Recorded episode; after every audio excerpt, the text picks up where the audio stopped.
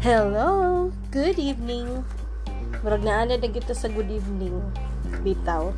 I hope you're doing fine. Maayo untang imong day, maayo ang imong uh, mga pagkuri-kuri karong adlaw and at this time I hope nga um, any time of your day you able to hear these readings uh, naging English si ma'am magbisaya bitaw ta oy bisaya ang atong pagbasa so Usa ta mag-start, magampo kita.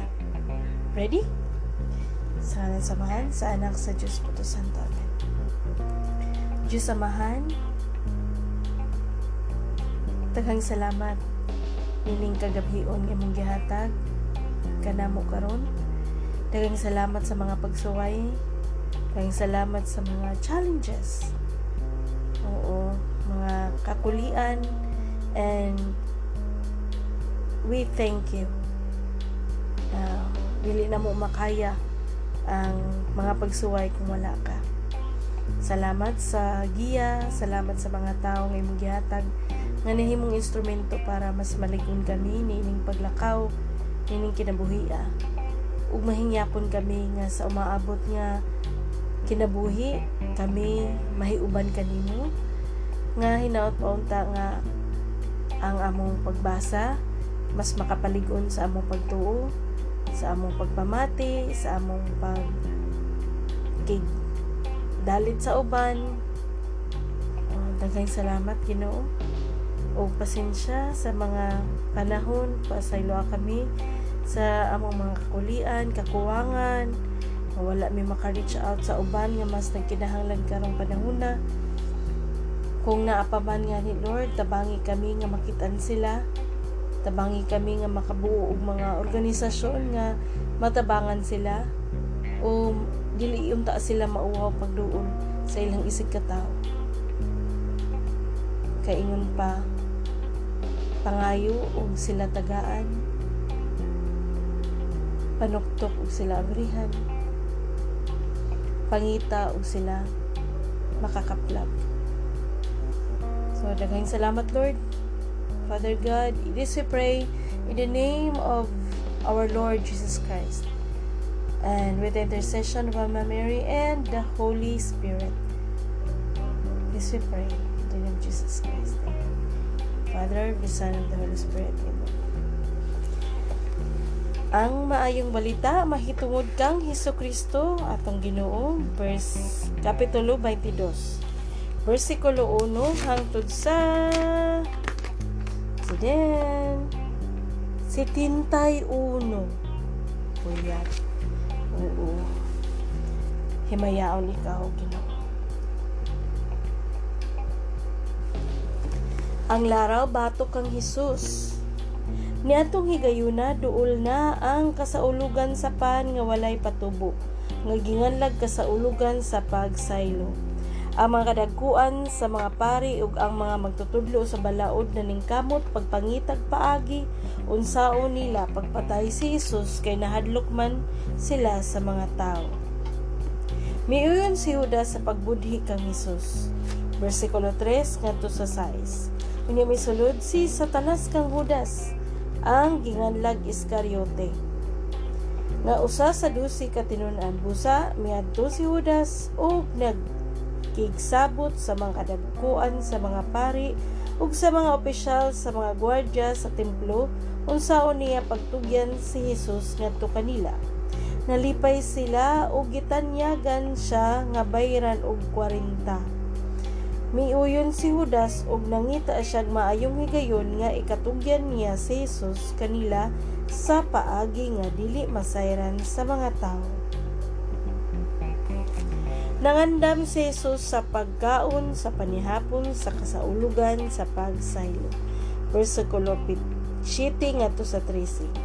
O miabot ang adlaw sa kasaulugan sa pan nga walay patubo nga maoy ting ihaw sa mga nating karnero nga maoy kanon sa panihapon sa panahon sa pangilin ug pagsaylo. Pangilin sa pagsaylo. Gingnan ni Jesus sa Pedro ug si Juan. Lakaw kamo ug hikaya ninyo ang atong panihapon sa pangilin sa pagsaylo. Asa man namo kinihikaya nangutana sila kaniya. Mingon siya, Pamati kamo inig sulod ninyo sa syudad makasugat kamog tao nga nagdalag banga nga sinudlag tubig. Sundan ninyo siya ngadto sa balay nga iyang atuan ug ingna ang tag-iya sa balay nangutana ang matutudlo. Hain man ang lawak nga akong kanan sa panihapon sa kasaulugan sa pagsaylo uban sa akong mga tinunan. Unya ipakita niya kaninyo ang usa ka dako og sinangkapang lawak sa itaas ug adto dito ninyo hikaya ang tanan.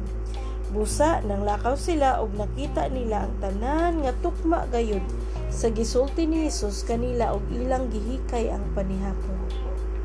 Ang panihapon sa Ginoo. Bersikulo 14 ngadto sa 23. Sa pagabot sa takna sa panihapon mitambong si Jesus sa kananan uban sa mga apostoles og mingon siya kanila Dako kaayo ang akong tinguha sa pagkaon uban kaninyo ni ining panihapon sa kasaulugan sa pagsaylo sa dili pa ako magantos. Kay sultihan ko kamo nga dili dagayod ako mukaon ni ini hangtod nga himuon kini didto sa gingharian sa Dios. Unya may kuha si Jesus og kupa, nagpasalamat sa Dios ug mingon, dawata kini og bahina ninyo Kay sultihan ko kamo nga sukad karon dili na ako moinom ni ining bino hangtod nga moabot ang gingharian sa Dios. Gikuha niya ang pan ug nagpasalamat siya sa Dios. Unya gipikas-pikas niya kini ug gihatag kanila nga nag-ingon, mao kini ang akong lawas nga gihatag alang kaninyo. Buhatan ninyo kini aron paghandong kanako. Human sa panihapon gikuha usab niya ang kupa ug nagpasalamat siya sa Dios. Gihatag niya kini kanila ug mingon siya.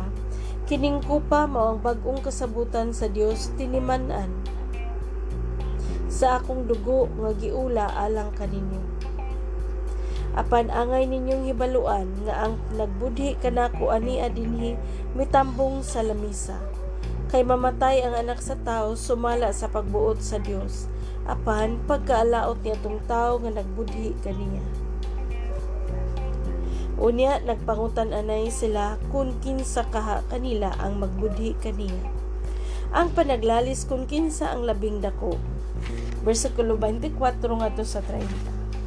Unya naglalis ang mga tinunan kung kinsa kanila ang isipon nga labing dako sa tanan. Og mingon sa Hesus kanila, ang mga hari niining kalibutanan nagmando sa ilang mga ginsakupan ug ang mga namunuan gitawag ug mga dangpanan sa mga tao. Apan ayaw ninyo kinibuhata.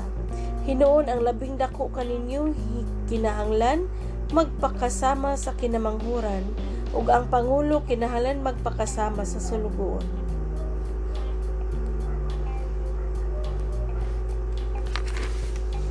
Kinsa man ang labaw ang gisilbihan ba sa pagkaon o ang nagsilbi kaniya? Ang gisilbihan gayud apan ako ania nagsilbi kanina.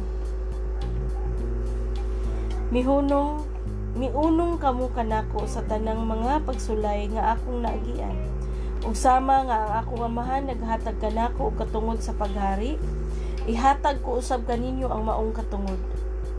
Panga mangaon kamo og manginom didto sa akong lamisa sa akong gingharian ug manlingkod unya kamo sa mga trono aron paghukom sa dusi kabanay sa Israel.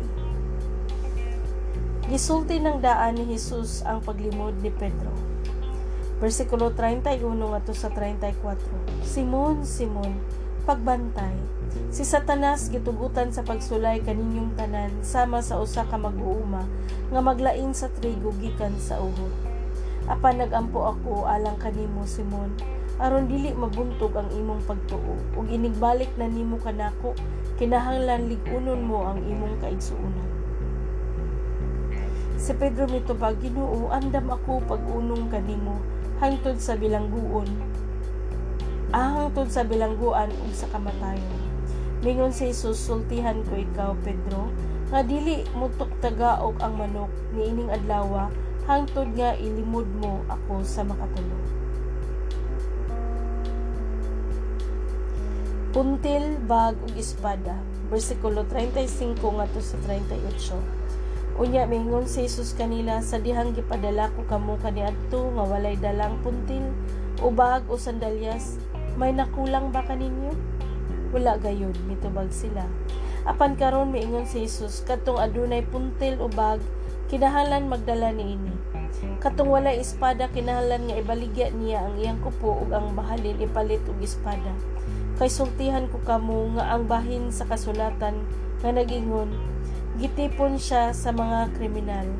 Kinahanglan matuman dinhi kanako kay ang nasulat bahin kanako nagsugod na pagkatuman. Ang mga tinun-an mingon, tanawa Ginoo ani ay duha ka espada ug mitubag siya igo na kana. Nagampo si Jesus, versikulo 39 ngadto sa 46. Milakaw si Jesus ug miadto sa bungtod sa mga olibo sumala sa iyang nabatasan. May kuyog kaniya ang iyang mga tinunan. Sa mi, nahiabot na sila dito, mingon siya kanila. Pag-ampo kamo, aron dili kamo, madaog sa kamo. Unya, mibiya siya kanila ngadto sa dili kaayo layo o miluhod siya og nagampo. Amahan, mingon siya, kung buot ka, kuha akin ning kupa gikan kanako. Apan dili ang akong pagbuot kung dili ang imo maoy matuman. May anghel nga mitungha gikan sa langit nga milig-on kaniya. Ug samtang naganto siya sa hilabihang kasakit, nagampo siya sa labi pa ka mainiton ka gayon. Ang iyang singot sama sa dagkong tulo sa dugo nga nangahulog sa yuta. Human sa iyang pagampo, mitindog siya ug mibalik ngadto sa iyang mga tinunan. Nakita niya sila nga nahikatulog tungod sa labihang kasubo. Umingon siya kanila, nganong nangatulog man kamo, bangon ug pagampo kamo, aron dili kamo madaog sa panunay. Ang pagdakop kang Hesus. Versikulo 47 ngadto sa 53. Samtang nagsulti pa siya, nahiabot ang usa ka panon sa mga tao. Si Judas us, usa sa dusi ka tinunan naguna kanila ug miduol siya kang Hesus aron paghalo kaniya. Apan si Hesus mingon, Judas, budhian ba di ay nimo ang anak sa tao pinaagi sa usa ka halo? Sa dihang nakita sa mga tinunan ni Hesus nga kauban niya kung unsa ang mahitabo mingon sila, Ginoo, tigbason ba namo sila? Ug usa kanila mitigbas sa ulipon sa pangulong pari ug naputol ang iyang tuong dalunggan. Apan si Jesus mitubag husto na ug gihikap ni Jesus ang dalunggan sa ulipon ug giayos siya. Unya mingon si Jesus sa mga kadagkuan sa mga pari ug sa mga opisyal sa mga gwardya sa templo ug sa mga pangulo sa mga Hudiyo nga miadto dito aron pagdakop kaniya. Tulisan ba ako nga nagdala man ka mong mga espada o mga puspos sa pagdakop kanako matag adlaw uban ako kaninyo didto sa templo ug wala ako ninyo dakpa. Apan kining taknaa inyo ug sa gahom sa kangitngit Si Jesus gilimod ni Pedro, versikulo 54 ngadto sa 62. Unya gidakop nila si Jesus ug gidala ngadto sa balay sa Pangulong Pare. Si Pedro misunod nga nagpaantaw. Sa taliwala sa awanan may hinaling nga kalayo umitipon sa Pedro sa mga naglingkod libot niini. Sa pagkakita sa usa sa mga babaeng sulugoon kang Pedro nga naglingkod babaeng sulugoon kang Pedro nga naglingkod dool sa kalayo mituktok siya kang Pedro og miingon kining tawhana kauban usab niya apan gipang himakap kini ni Pedro og nagingon Day, wala ako makaila kaniya. Sa wala madugay, may usa ka tawo nga nakamatikod kaniya og mingon. Kauban ka usab nila. Apan mitubag si Pedro, dili uy, dili ako kauban nila. Unya paglabay sa mga usa ka katakna dihay laing tawo nga mi sister. Sa pagingon walay duha-duha kining tawhana kauban gyud niya kay taga Galilea man usab siya. Apan mitubag si Pedro, Uy, wala ko kalibutan sa imong gipanungti. Samtang nagsulti pa siya, may manok nga mitugtugaw. Milingi ang ginoo ug mitutok ang Pedro. Ug nahinumdum si Pedro sa gisulti sa ginoo kaniya. Sa dili pa mo tutugaok ang manok, karong adlaw ilimod mo na ako sa makatulog. Migula si Pedro og mihilak sa hilabihang pagbasod. Gibugal-bugalan o gibunalan si Jesus. Unya gibugal-bugalan o gibunalan si Jesus sa mga tao nga nagbantay kaniya. Gitaptapan nila ang iyang mata o gipangutana siya. Tag-ana, kinsa nagbunal kanimo? Ug daghan pa ang ilang gisulti sa pagpanamastamas kaniya. Si Jesus atubangan sa labang hukmanan sa mga Hudiyo. Versikulo 66 ngadto sa 71. Sa pagabuntag na, nagtigom ang mga punuan sa mga Hudiyo ug ang mga kadagkuan sa mga pari ingon man ang mga magtutudlo sa balaod ug gidala si Jesus ngadto sa ilang labang hukmanan. Sultihi kami, mingon sila, ikaw ba ang Mesiyas? Mitubag siya, konsultihan ko kamo, dili kamo mutuo kanako. Ug kun pangutan-on ko kamo, dili kamo mutubag pansukad karon ang anak sa tao maglingkod sa tuo sa Dios nga labing gamhanan. Og mingon silang tanan, ikaw ba gayud di ay ang anak sa Dios? Siya, mitubag kanila, giingon ninyo nga ako mao. Unya mingon sila, wala na kita nag magkinahalan pag mga saksi. Nadungog gayud nato gikan sa iyang kaugalingong baba mao kini ang pulong sa Ginoo. Apan sukad karon ang anak sa tao maglingkod sa tuo sa Dios nga labing gamhanan. Maayong gabi. Unsa ba ang pinakaimportante ni ining tanan?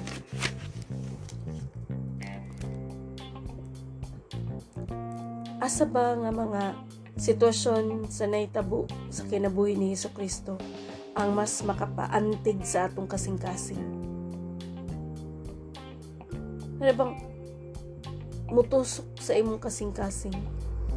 Tapos makadecide na tanga, ay dapat eh ko nga matarong kay nagpakamatay ang Dios para nganing ahong kinabuhi ug samtang wala pa mobalik siya. Napakoy higayon sa pagbag-o.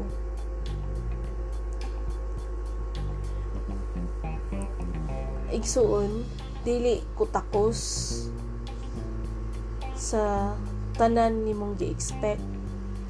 Oo ang ako lang gibasa lang nato ni kay kinahanglan gyud ta makasabot Manghinaot ko nga, ikaw, kung nakasabot naman ka, ma-share pa po nimo sa uban ang nga kinahanglan magbasa o Biblia. Regardless og unsa ta nga relihiyon kinahanglan gyud nato basahon ang atong libro. Libro sa atong pagtuo. Libro kun diin magiyahan kita og unsaon nato pagpuyo. Isip mga ngun pa kung sa recipe pa unsaon na to pag-follow sa recipe. Unsay mga menu ingredients nga atong kinahanglanon. Di ba kung wala ta kahibaw sa recipe unsa man nato pagkaluto? Unsa man nato pagluto? Kung ang mga estudyante walay libro unsa man nila pagkakaton unsa man nila pagbasa? Di ba kung tarong nga estudyante magbasa magtuon mag-assignment kita kitagaan putag mga assignment. Manghinaot ko nga ikaw makapadani pa sa uban para magbasa. So, kani siya nga atong gibasa karon pamilyar na ni siya nga panghitabo. Pero ang ako lang ika ko ano ang tanan nga gitagna or giistorya ni Hesus Kristo natuman gayon gikan atong asno nga maiyang lingkuran inig kanang padung na siya niya. Kanang ang Jerusalem mag kuan niya magbayaw kaniya oo. Tapos ang kani sa panihapon daghan pa nga mga higayon nga nagpakita gyud. Ang atong Ginoo nga siya anak sa Dios humble lang siya buyag no? Bisan nga ni sa iyang sa iyang pagkatao. Adto gayud taon siya sa pasungan. Hmm. kaingon pa niya magsilbi. Hmm. ang mga pangulo ang labaw maoy magsilbi. Kay siya nga ni nagsilbi nagserbisyo. Kita pa ba maoy dili? So kung gusto nato nga siya sundon kita usab magserbisyo magserbisyo sa atong pagtuo, magserbisyo sa atong pagpa lawom pa sa atong pagtuo para naatay koneksyon. Ngun pa kung sa cellphone pa, how to get connected sa imong cellphone na naay signal. So, syempre kinalan na atay load. Oh, loaded na ba ta sa pagtuo? Loaded na ba ta sa kamatuuran? Oo, loaded na ba ta sa Maka, nakapalit na ba ka? Panload? Na ba kay kapasidad pagpalit o panload? Good kung na mo hatang ni mo panload. Good kung naa kay ikaw galingong uh, nakadala na kay trabaho, makapanload na ka. Ako, kami, uh, tuguti ko nga mo share nga ang akong load it's a plan. A globe plan. So mo ni atong pagbasa. Plan. Giplano. Oo. Giplano siya mao ni siya buhaton. Adlaw-adlaw magbasa ta og usa ka chapter sa Bible. And today we will be oh, ikanubintay size naron nato ka adlaw sa atong journey. Mm -mm. nubintay size Unya asa ko to ba nga atong journey? 1,355 days. Puhon. In God's time, in God's time, piso-piso kada adlaw. Yun pa. Oh, tigom. Ta. Sige. Nganhan na lang takutob ha? Tagang salamat again sa pagpamati. O we pray. Amahan na mo